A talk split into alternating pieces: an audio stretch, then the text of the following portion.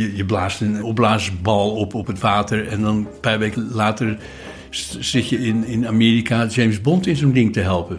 In Diamonds Are Forever, de James Bond film uit 1971, verplaatst 007 zich op een wel heel bijzondere manier over het water. De Boardwalk werd gebruikt om Sean Connery uit een vliegtuig te laten springen. En hij bezoekt dan het eh, booreiland waar de schurk Blofeld zich schuilhoudt. The Waterwalk is een kunstwerk van Theo Botschuiver en Jeffrey Shaw. De eerste proeven ervoor doen ze op de Sloterplas in Amsterdam. Op een gegeven moment uh, hadden we van een project een aantal kussens uh, over, driehoekige kussens. En we dachten, vrij grote dingen, een meter of drie. En we dachten, zou je nou in zo'n opblaasbal, opblaaskussen, zou je ermee op het water kunnen lopen?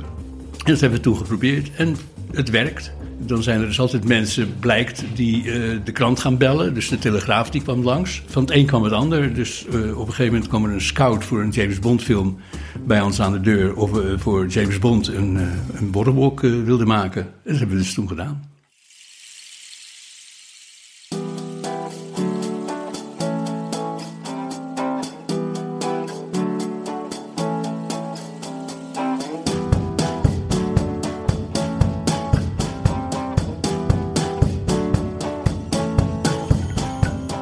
Ik ben Yukiko en dit is de podcast van het Stedelijk Museum over Amsterdam Magisch Centrum. Over kunst en tegencultuur tussen 1967 en 1970. In vier afleveringen dwalen we samen met kunstenaars, Dolomina's en andere hoofdrolspelers door het Amsterdam van toen. Een roerige tijd die voor veel veranderingen zorgde in de kunst en maatschappij.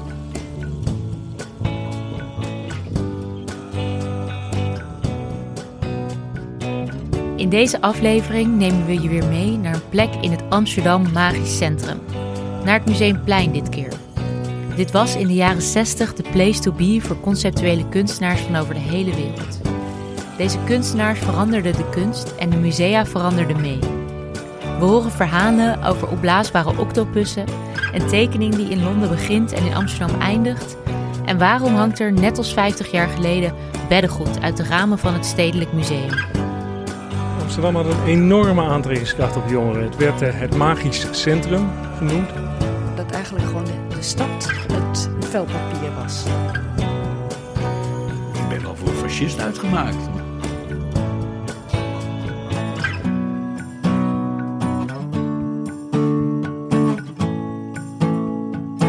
Magisch M-A-G-I-E-S.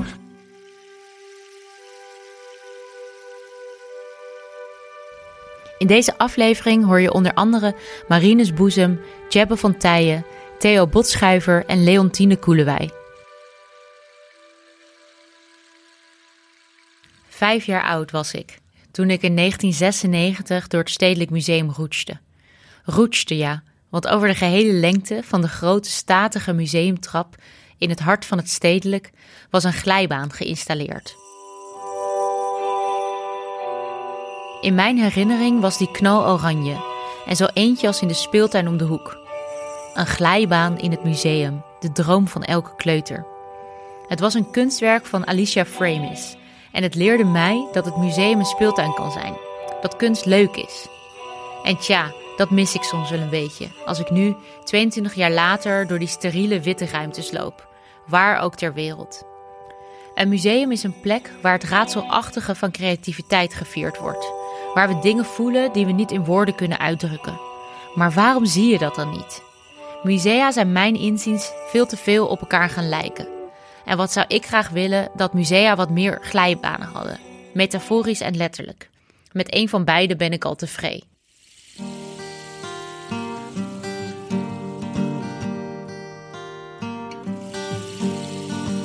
Ik wou juist helemaal geen kunstenaar worden.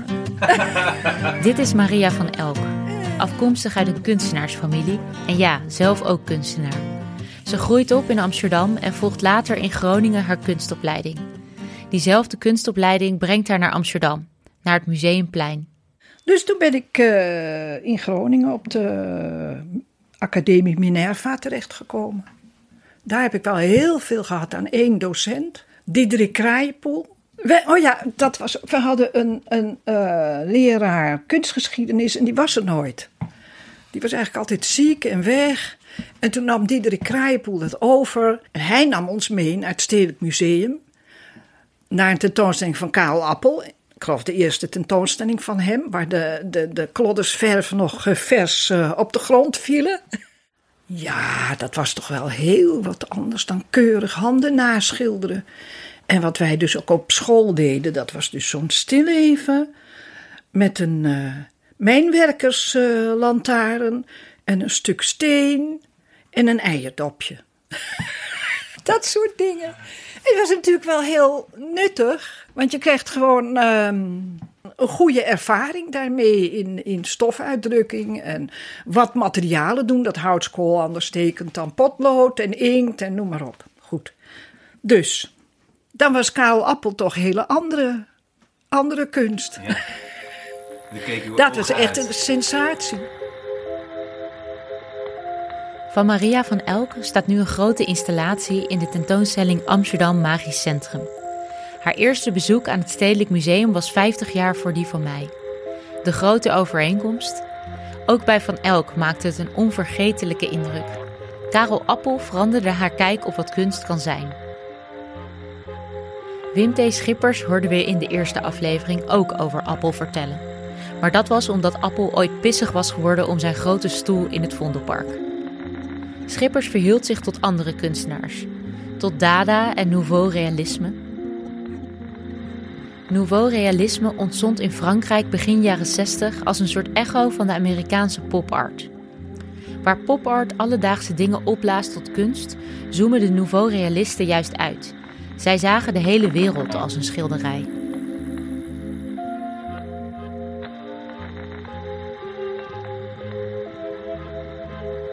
de Amerikaanse popart, die was eigenlijk, uh, die wilde gewone dingen laten zien. Hè? Dat, daar komt er eigenlijk neer. En is niet, niet met verheven onderwerpen, maar gewoon de alledaagse onderwerpen uitvergroot en, ding, en daar mee aan de gang. En dit, uh, nouveau realisme in, uh, in Frankrijk, dat had toch uh, op aard kwam er op een gegeven moment. Er ontstonden allerlei soorten, dat er andere manieren waren om beeldend werk te maken.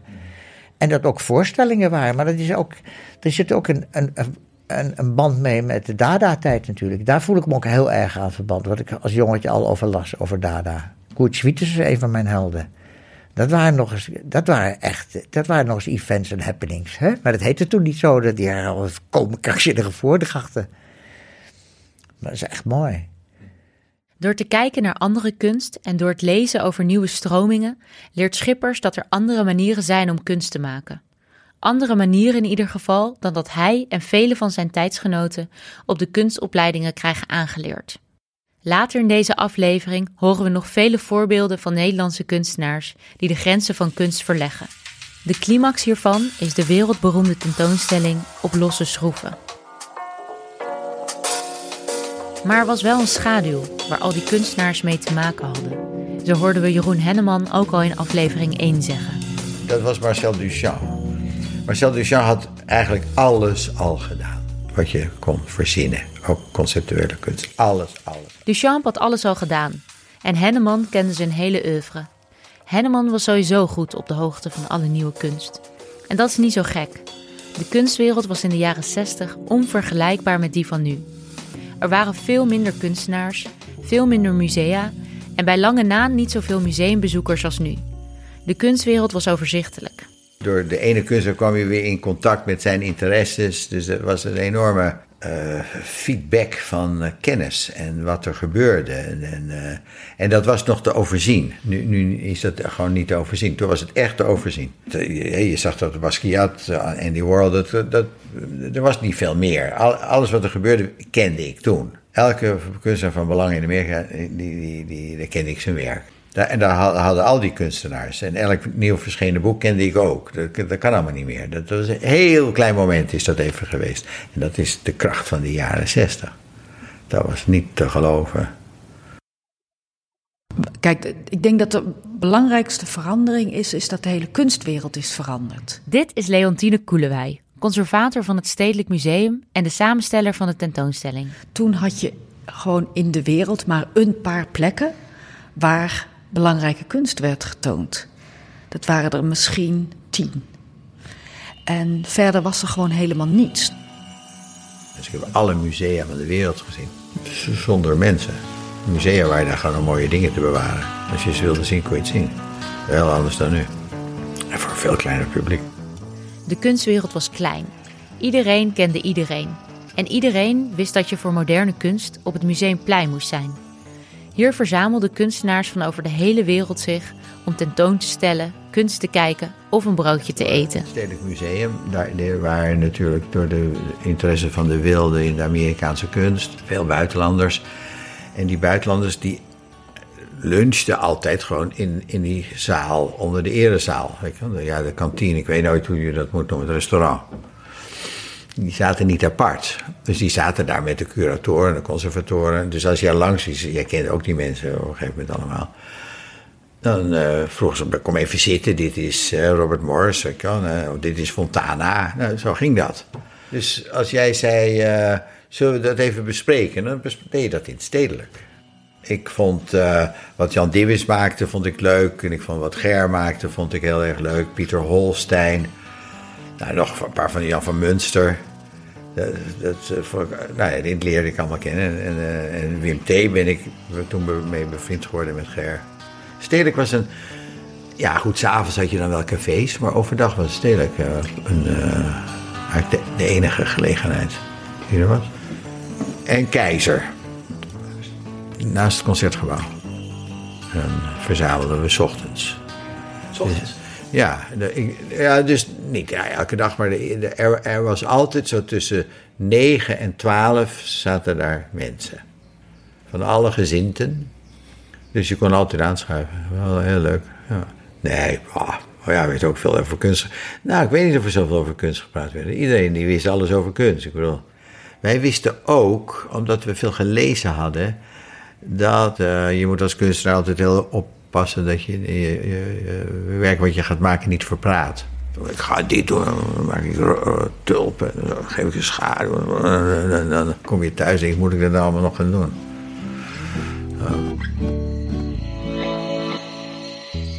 De les Je moet je kunst niet verpraten was bij Tjebbe van Tijen aan doofmans oren gericht. Hij deed precies het tegenovergestelde. Van Tijen hoorden we in de vorige aflevering over de beladen tentoonstellingen in Museum Vaudor, met de protestaffiches uit Parijs. Drie jaar daarvoor is hij nog coördinator van het Sigma Centrum. Dat is een plek aan de Kloveniersburgwal waar iedereen kan binnenlopen en mag meedoen aan allerlei creatieve activiteiten. We hebben op een gegeven moment als praktische les ook de hele Sigma-centrum aan de Klovenburg volgetekend. En uh, ze moesten ook dingen inleveren dat ze op hoge punten, op een dak klimmend en zo uh, konden tekenen. Van Tijen streeft naar activiteiten die geen theater, beeldende kunst of amusement zijn, maar die buiten deze kaders vallen. Een voorbeeld daarvan is de continue tekening. En dus waarom zou iets eindigend zijn? Want wat, wat is het doel? Het was ook kritiek op de kunst en de kunsthandel. En want het doel van de kunst is dat je een object maakt. Wat je, dan zet je een, project, een, een, een, een, een creatieproject zet je stil. Nu zit het stil. En nu is het af. En nu gaan we het verkopen. Dan krijgt het de waarde. Hoe ziet de continue tekening eruit? Nou, continue tekening is, is, is zoals het woord het zegt. Is, is een tekening die eindeloos doorgaat. En uh, het is een, een, een, een tekensysteem. En dat tekensysteem heb ik ontworpen. En dat is heel simpel. Je hebt één lijn en nog een lijn. Uh, en die lijn kan op zichzelf uh, keren. En dan uh, kan het daar. het lijkt op het groeien. Kijk, in mijn keuken daar heb je een tomatenplant. En die doet hetzelfde. Die is continu aan het groeien, zeg maar. En die komt er weer iets uit. En nog weer iets uit. En dan is het nog weer uit het vorken. Het zijn lijnen die zich telkens vertakken. Lussen maken en weer verder gaan over straten, mensen of muren. De gedachteloze, dromerige lijnen die je op school in je schrift maakte, maar dan groot en een stuk mooier. Dus het materialen was gewoon krijt en wasco. En dan hadden we wasco zwart en wasco wit. En uh, ik vond net een foto van alle materialen. En dan hadden we nog een soort sminkstiften voor gezichten.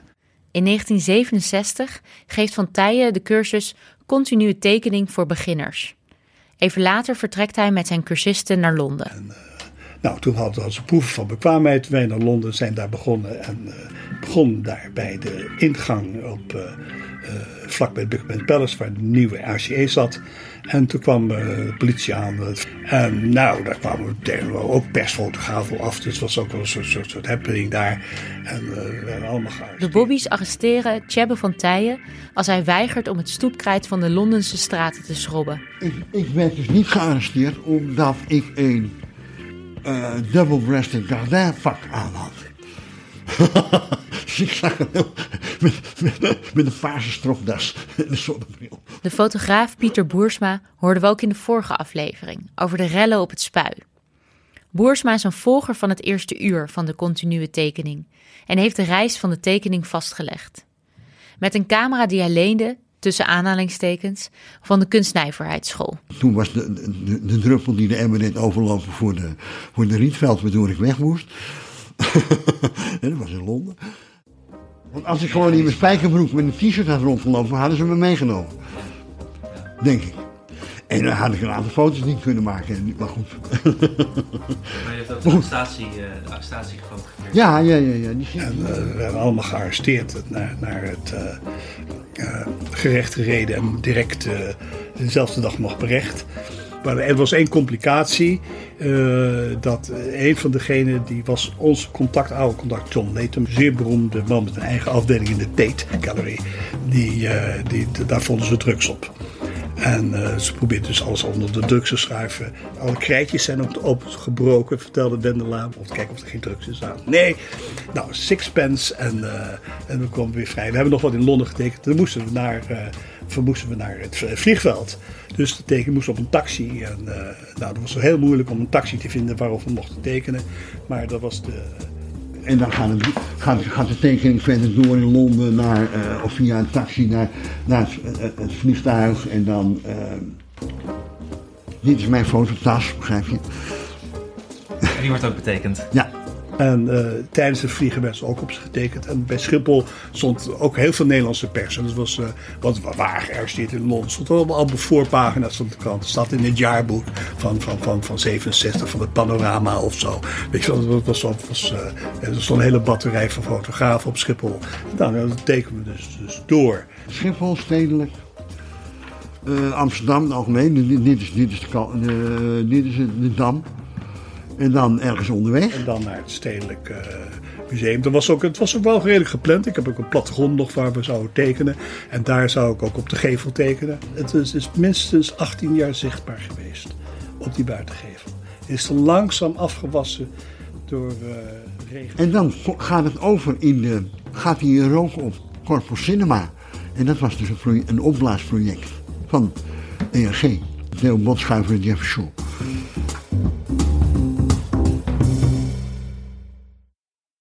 Voor de Nouveau-realisten is de wereld een schilderij. Voor Tjebbe van Tijen is Amsterdam een canvas. Tijdens de opening van de tentoonstelling Amsterdam Magisch Centrum in het Stedelijk versierden Van Tijen en zijn voormalige cursisten het museum opnieuw, met hun dromerige lussen en vertakkingen van stoepkrijt.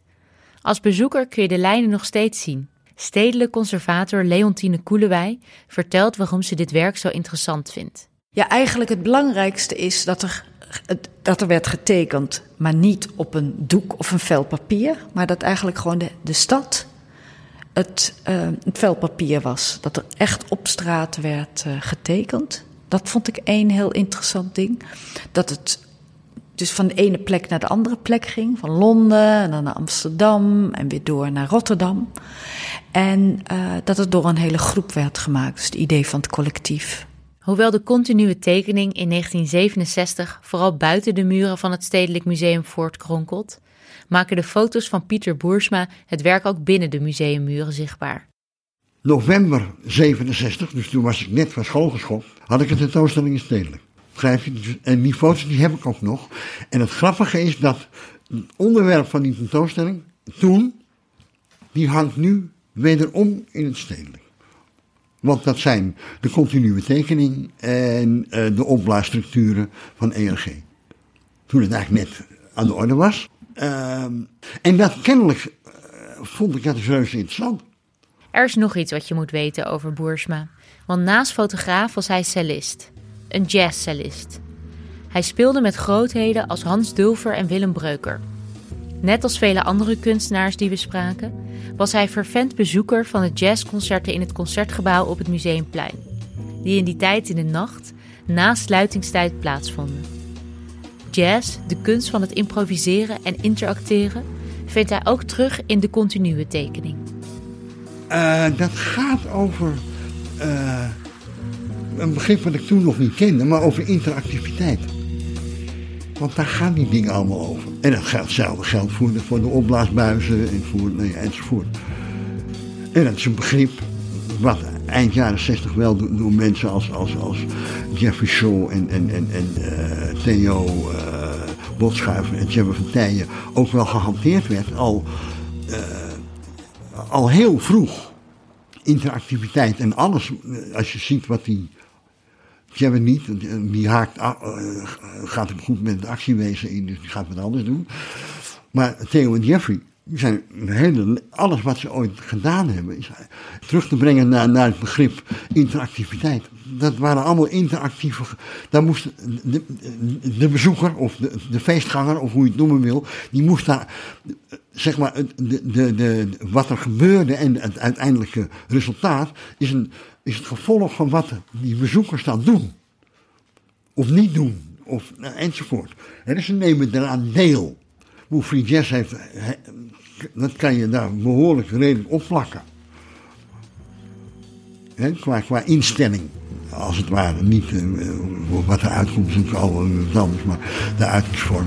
Maar uh, qua zeg maar de mentale instelling en, en, en de, de, de, het uitgangspunt waarmee je dingen doet, dan kan je het heel veel goed naar elkaar leggen.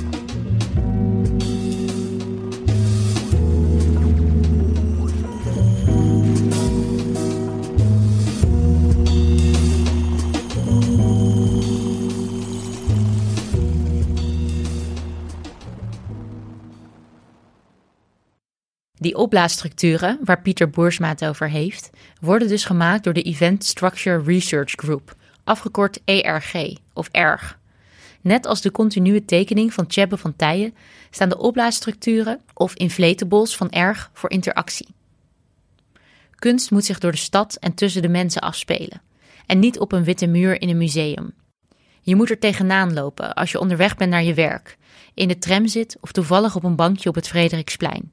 Juist dan heeft het effect. Dan gebeurt er iets. Het doel is dus op een prettige manier te ontregelen. Op een leuke manier bezig zijn met iets en het op een plek doen waar dat niet verwacht wordt, zodat het kans krijgt om ook leuk te zijn. En niet betiteld te worden als dit is kunst of dit is reclame. Of, eh, dus dat het niet die connotatie heeft, dat het dus leuk is, nieuw is. Nieuw en leuk. Dat moet het werk van Theo Botschuiver zijn. Samen met Jeffrey Shaw richt hij in 1967 de Event Structure Research Group op. Ja, Event Structure Research Group. Een beetje pretentieuze benaming voor iets wat, uh, wat helemaal niet zo speciaal bedoeld is. En voor Nederlandse oren ook uh, vrij ongebruikelijk. We hebben het ook afgekort tot erg. Ja, er was een, een, een algemeen uh, gedoe met Engels, is er nog steeds. Ik bedoel, het heette ook happening. En het heette niet gebeurtenis. Er waren geen gebeurtenissen bij, liever, lievertje. Nee, er waren ja happenings. En ik, ik weet niet, het, uh, inflatables, dat dekt het. En opblaasdingen, dan denk je dus aan, uh, aan zwembadjes en dat soort dingen. En erg maakt geen zwembadjes. De inflatables van Botschuiver en Shaw zijn grote, opblaasbare installaties. En dat kan van alles zijn of wij een Chinese draak konden maken. Nou, wij een Chinese draak gemaakt. Volgend erop kwam een octopus voor een stichting Octopus. Volgend daarop kwam er een, een duizendpoot voor een parade. In 1969 organiseren ze een tentoonstelling die ze Six Events in Amsterdam noemen. Bewust niet in een museum. De straat was hun expositieruimte. Nu vinden we kunst in de openbare ruimte heel normaal. Maar toen was dat nog steeds iets nieuws. Een aantal ballonnen op het water waar mensen in konden lopen. En het was een environment, ook weer zo'n Engels woord, op het Frederiksplein. Een, een, een vrij ingewikkeld uh, gedoe met uh, opblaasbuizen en waar mensen zich echt mee bezig konden houden. Wat dus een heel merkwaardige akoestiek heeft, wat eigenlijk niet zozeer in woorden te vangen is, maar echt iets wat je moet doen. En dat had ook uh, leuke effecten.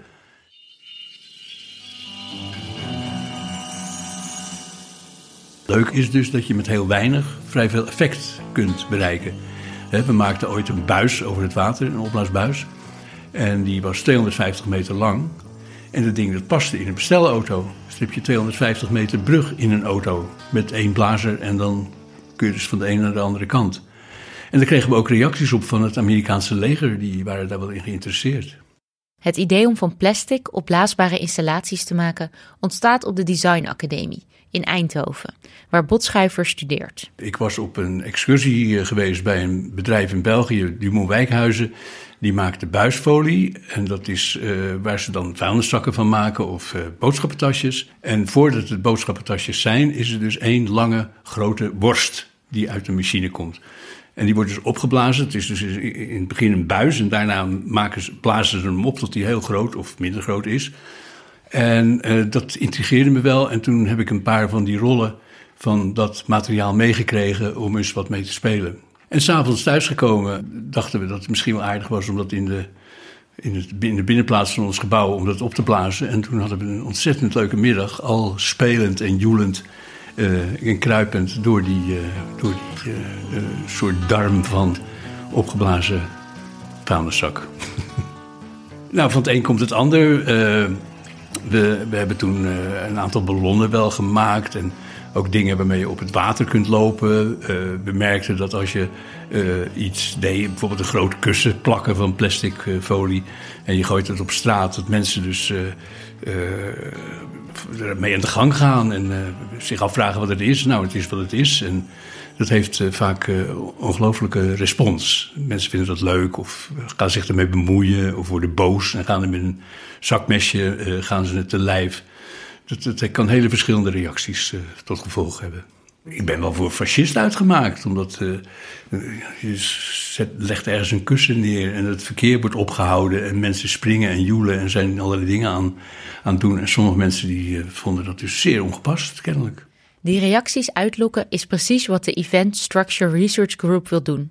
Je afzetten tegen het museum is ook typisch voor die tijd, vertelt Botschuiver. En het hing dus ook in de, in de lucht natuurlijk in die jaren. Het was dus een, uh, over het algemeen was er een soort afzetten tegen de status quo, tegen het museum. Ja, wat museum, dat is allemaal van vorig jaar. Je hebt hier in Amstelveen een museum en dat heet Moderne Kunst en dat gaat eh, niet verder als Cobra. Dat is dus jaren terug.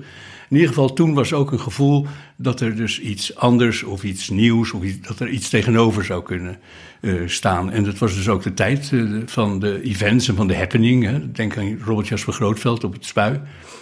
Dus in die traditie, traditie is misschien een beetje groot woord, maar in dat gevoel paste wat wij ook aan het doen waren. En, en inderdaad, buiten het museum heb je een publiek. En in het museum word je dus eerst, zeker in Nederland, daar wordt dus over vergaderd. En er moet er geld zijn. En nog weer een commissie. En er is iemand die zegt, ja, maar ik vind het niet leuk. En dan gaat niet meer niet door. Kortom, dat is niet een ideale weg. By no means. Dingen zijn alleen maar eh, van waarde ook niet helemaal waar, maar vooral van waarde als, uh, een, als je een publiek hebt die daarop reageert. Het zij afwijzend, het zij participerend en, en, en positief. Anders is het niks.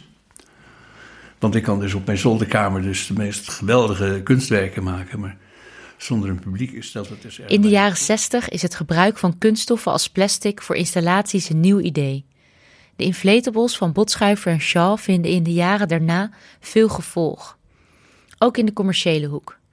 Zoals je in de intro al hoorde, schopten de inflatables het zelfs tot een rol in een James Bond film. Die waterwalks die ik dus dan destijds eh, bedacht, waar dus zo'n scout van een James Bond film op afkwam, dat staat dus nu op, eh, op de kermis. Ik reed nog niet zo lang geleden achter een vrachtwagen en er stond een foto van die borderwalk, van die ronde ballon, op de achterkant. Ook voor volwassenen. En dat was dan een kermisexploitant die dus met ballonnen en dan zo'n laagje water. En uh, wij donderden de dingen op zee.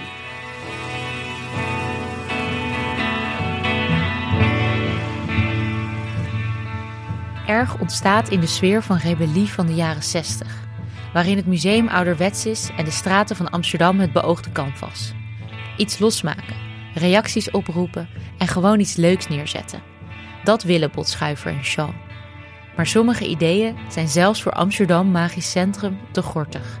Ons idee was, zou het leuk zijn om met een grote opblaasbare wolk door de stad te rijden, eh, hangend aan een hijskraan, aan een, zo'n takelwagen.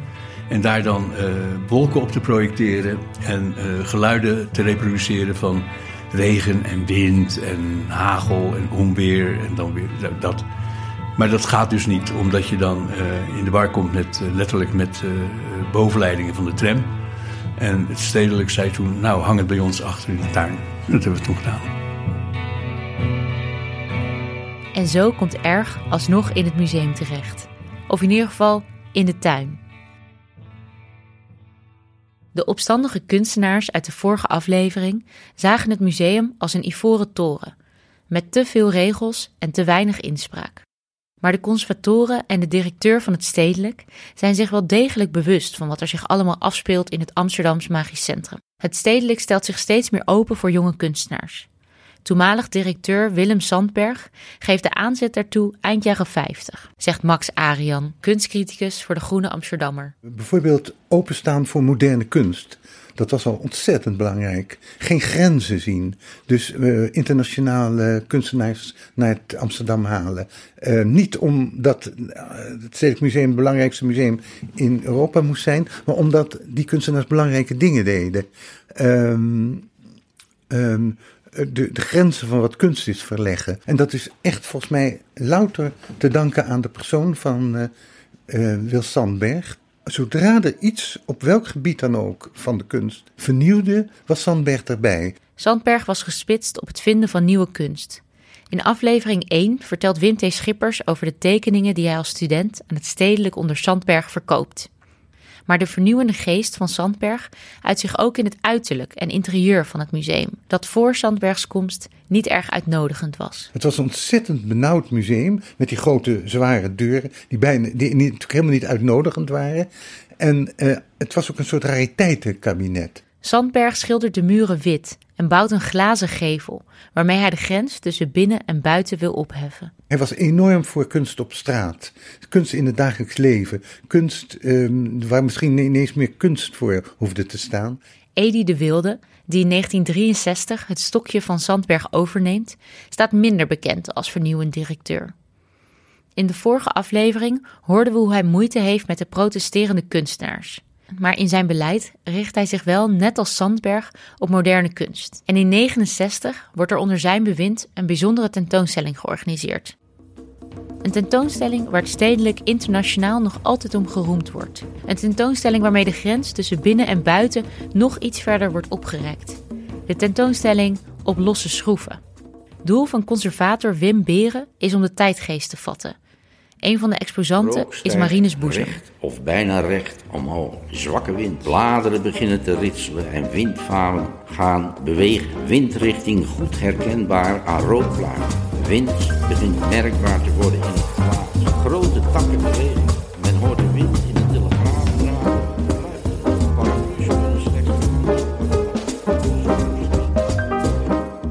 Kan het weer een kunstwerk zijn? Je hoort kunstenaar Marines Boezem die de schaal van Beaufort opleest. Een schaal die begin 19e eeuw werd opgesteld door de Franse wetenschapper Francis Beaufort om de windkrachten mee in te kunnen delen. Bij iedere schaal voegde Beaufort een beschrijving toe. 32 tot 115, orkaan. En er is niks ingevuld, want het is onbenoembaar wat er dan aan de hand is. Boezem gebruikt de schaal van Beaufort voor zijn kunstwerk Weather Drawings, het weervatten in een kunstwerk. Dat wil Marines Boezem bereiken, juist omdat het weer zoiets ongrijpbaars is. Fascinerend is natuurlijk dat we zoveel praten over het weer, zeker noordelijke mensen, en dat dat weer eigenlijk totaal immaterieel is. Je voelt het in je gezicht, je voel je er of al of niet prettig bij. Je kan nu denken, bijvoorbeeld zat ik maar aan de strand. Hè. Maar om het zichtbaar te maken was voor mij interessant. We hebben een hele historie van landschapsschilders. En we kunnen niet het weer schilderen. Ja, dat vind ik intrigerend. En om dan iedere dag in een museum, toen met losse schroeven, het weer van die dag als tekening te projecteren op de wand. En dan gelijktijdig in datzelfde kabinet uh, twee speakers. En dan hoor je de stem van de omroeper, omroepster uit die tijd, ja, uh, die het weerbericht uitspreekt. Marinus Boezem is een van de kunstenaars die in de jaren 60 zijn palet verbreedt. Niet langer maakt hij kunst zoals de klassieke kunstenaar dat zou doen: een schilderij op een doek of een beeld uit brons. Nee, alles om hem heen is een potentieel ingrediënt voor een kunstwerk. De attitude dat de hele wereld, en dan praat ik voornamelijk ook voor mezelf natuurlijk, hè, ik kan het niet voor die hele groep gelijkwaardig vertellen, maar dat de hele wereld het materiaal is voor je kunst. Dus de lucht, de wolken, topografie, uh, kortom alles. De wereld als schilderij. De jongere generatie gaat zelf uitmaken wat een kunstenaar wel of niet kan doen, wat kunst is en kan zijn. De rol van de kunstenaar zelf wordt daarin vooropgesteld. Niet het esthetische resultaat is het belangrijkst, maar het concept, het verhaal erachter. De rol van de kunstenaar zelf wordt daarin vooropgesteld. En hier heb je een plaatje van de kunstenaar waar hij een ventilator signeert. Nou, de arrogantie straalt er vanaf. Ja. Want meneer Boezem zet daar een handtekening onder en dan wordt het ineens een kunstwerk. Dat is natuurlijk wel magisch. Nu, zoveel jaar later, praat Boezem er bijna sarcastisch over. Maar die arrogantie van de jonge kunstenaars in de jaren zestig was ook ergens goed voor. Die arrogantie had je wel nodig, want, want dat, het establishment was heel, heel erg sterk. Dat leidde ertoe dat je er ook niet uit wilde zien als kunstenaar. Ja, daarom liet ik een extra pak maken voor het uh, ondertekenen van die uh, ventilator. Ik wilde niet naar terpentine ruiken. Ja? Of uh, naar andere verfsoorten. Dat was gewoon een soort statement, dat deed je dus niet. Het klinkt misschien wat eigenaardig. Je trekt andere kleding aan en je bent plots een ander soort kunstenaar. Maar de keuze voor een pak in plaats van een overal met verfvlekken stond voor een verschuiving binnen de kunst. In tegenstelling tot beeldende kunst gaat het bij conceptuele kunst meer om het idee van de kunstenaar. Om de werkwijze van de conceptuele kunstenaars beter te begrijpen, gaan we terug naar het Stedelijk Museum. Naar de tentoonstelling Op losse schroeven in 69. Kunstenaar Jeroen Henneman kan zich de tentoonstelling nog goed herinneren. Meesterlijke tentoonstelling, ja. Je zag allemaal dingen die je in leven nog nooit gezien had. En, nou ja, en, de intrinsieke verbinding, verbindenis met Dada. Dat was nooit eerder gebeurd. Het was altijd Dada of het was iets geks. En nu was dat allemaal door elkaar. Het was één, één, één. Het was niet Dada, maar het was wel uh, één. Uh, ja, de grenzen van uh, wat, waar de beeldende kunst zich mee zou kunnen bemoeien. En toen heeft Jan Niewits, die heeft toen nog de hoek van het stedelijk uitgegraven. Ja, maar ik allemaal steengoede dingen waren dat, ja. Het werk Stedelijk Museum op Sokkel plaatst het museum letterlijk hoger dan de straat en daarmee de maatschappij. Een kritisch gebaar van Dibbets op en in datzelfde museum. Tien jaar daarvoor zou zoiets onmogelijk en onbetamelijk zijn geweest. Ja, zelf gedaan ook. Een hele leuke foto, dat is dat te scheppen. Heel diep. Dan kijk je zo naar het fundament, zo naar beneden. dat deden wij. Dibbets was trouwens niet de enige criticaster binnen de museummuren. Want naast weather drawings maakte Marinus Boezem nog een werk. Beddengoed uit de ramen van het stedelijk. Het werk wordt nu tijdens de tentoonstelling Amsterdam Magisch Centrum nogmaals herhaald. Wellicht heb je het zien hangen, boven de voormalige ingang. Het ziet er precies zo uit als je verwacht. Witte lakens hangen uit de ramen van het stedelijk en wapperen in de wind. Het ontstond natuurlijk ook vanuit uh, een zekere rebelsheid. Uh, je wilde wel uh, je punt maken in die 60 jaar. Ja, door dat beddengoed uit te hangen, ja, kreeg je een soort lulligheid. Ja, wat het museum ging aankleven. tijdens de tentoonstelling. Verder dat symbool van properheid, van het Nederlandse. En ik moet ook zeggen dat kussens, ja, vind ik mooie dingen. Boezem is de bedenker van het werk, maar hij is niet degene die het beddengoed uit de ramen hangt. Mijn opvatting was als een, eh, een groot museum als, en een bekend museum als Stedelijk Museum een, een werk uh, van je krijgt om te exposeren, in dit geval een installatie, dan vind ik dat de kunstenaar daar zijn handen niet aan vuil moet maken. dat moet dan het Stedelijk Museum doen. Daarmee maak je de conservator of de directeur die dit toestaat mede verantwoordelijk voor dat werk. Een, een conceptueel werk wat, wat goed is, dat, dat kent ook weinig toeters en bellen. Het, het gaat om die kortste weg te vinden tussen idee en beeld. Zo efficiënt mogelijk van wat er in je hoofd zit naar een fysieke uitwerking daarvan. In een schilderij, een installatie of een performance. Het medium maakt minder uit.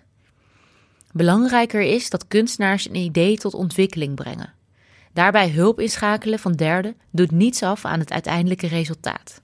Het is zo dat wij eh, toen de, de, de, mentaliteit hadden uh, uh, van was je handen en ga je hoofd gebruiken. Het was dus zo dat het delegeren van bepaalde taken, met betrekking tot je kunstwerk wat je aan het maken was, was natuurlijk heel slim en voor de hand liggend. De technologie om dingen te doen is zo vooruit gegaan dat er ook veel meer mogelijk was hè, te maken en te exposeren dan voor die tijd. Als je het delegeren, als je naar een ingenieur stapt om te vragen hoe zou dat zijn als ik dit en dat en dat zou maken. En zo heb ik heel veel werk ook uh, door anderen laten maken, maar wel onder mijn controle.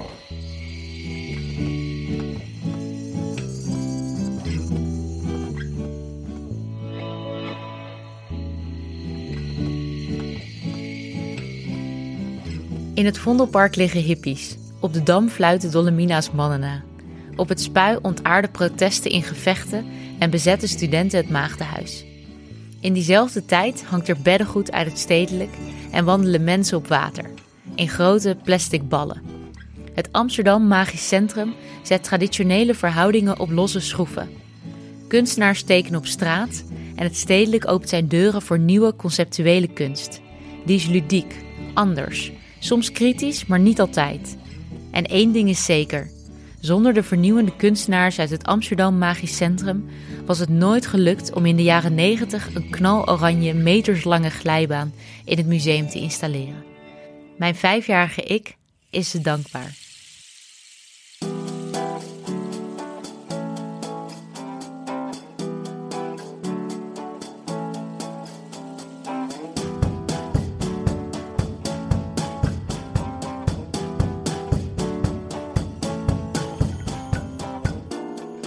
Dit was de derde van vier afleveringen van de podcast Amsterdam Magisch Centrum van het Stedelijk Museum. Abonneer je op deze podcast in iTunes om geen enkele aflevering te missen. De tentoonstelling Amsterdam Magisch Centrum loopt tot en met 6 januari 2019. Voor meer info en tickets ga je naar www.stedelijk.nl.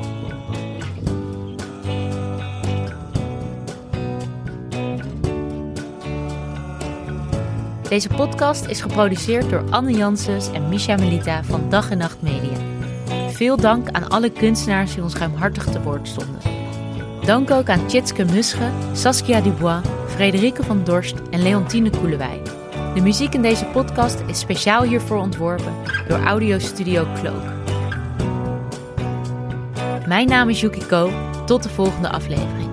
Dan ontmoeten we elkaar in de huiskamers van de jaren 60.